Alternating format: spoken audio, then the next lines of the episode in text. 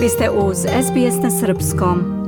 Potpredsednica vlade Srbije i ministarka kulture i informisanja Maja Gojković otvorila je utorak u Jugoslovenskoj kinoteci šesti beogradski kontrapunkt koji se održava pod nazivom Tesla Inspiracija. Beogradski kontrapunkt je jednodnevna međunarodna konferencija koja godinama unazad okuplja umetnike i mislioce iz različitih delova sveta oko razgovora o najvažnijim pitanjima našeg vremena.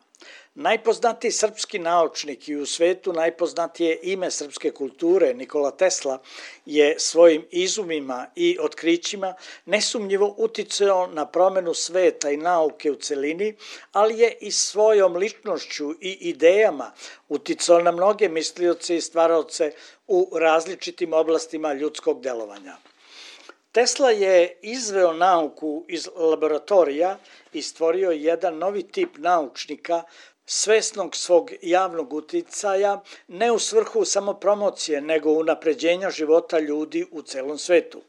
Njegovo javno delovanje velikim delom je bilo usmereno ka mladima kao ohrabrenje da neguju svoje kreativne impulse i ostvare što veći deo svojih potencijala.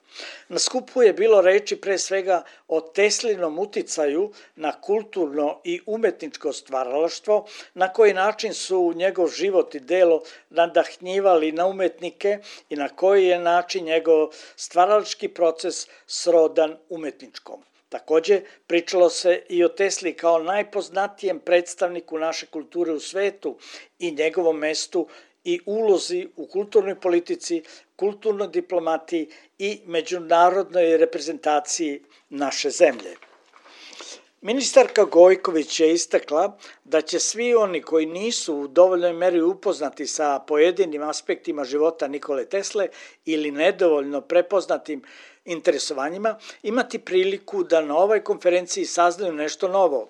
Zatim je nastavila. Pre dva dana odjeknula je vest da italijanski autor Daniele Meucci, koji živi i radi u Beogradu, objavio grafički roman Tesla, čovek koji je oblikao budućnost, rađen u akvarel tehnici.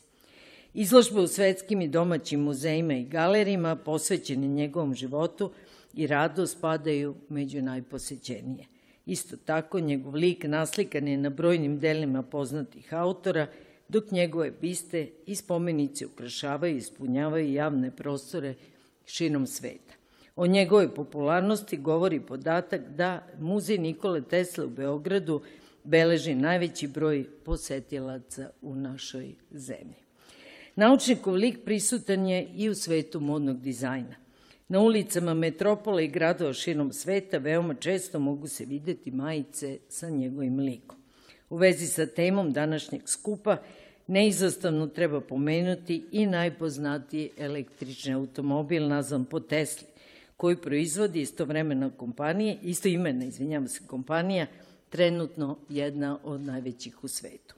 Ipak, kao što sam pomenula, njegov lik najčešće se pojavljao u filmovima naučne fantastike, u kojima je fikcija prevladala nad istorijskim činjenicama i biografskim podacima što uzgled budi rečeno i ne čudi imajući u vidu hollywoodsku matricu koja po pravilu nema onu vrstu pijeteta prema velikim istorijskim ličnostima kao što je to slučaj u evropskim ili nekim drugim kinematografijama.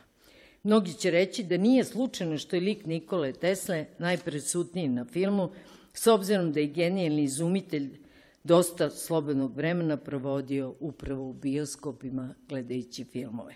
Pored toga, njegov život, obeležen pre svega neprekidnim i napornim radom, ali i čestim promenama sredine, finansijskim turbulencijama i nekonvencionalnim načinom života, kao da je rađen po filmskom scenariju koji je mnogo toga samo ne nezanimljiv i dosadan. Na skupu su učestvovali umetnici iz Jermenije, Lucine Hovansijan, strip umetnik i dizajner iz Italije Daniele Meucci, srpski fizičar Đuro Koruga, pisac Vladimir Pištalo i vizualni umetnici Dušan Jovović, Milan Ličina i Danica Maksimović.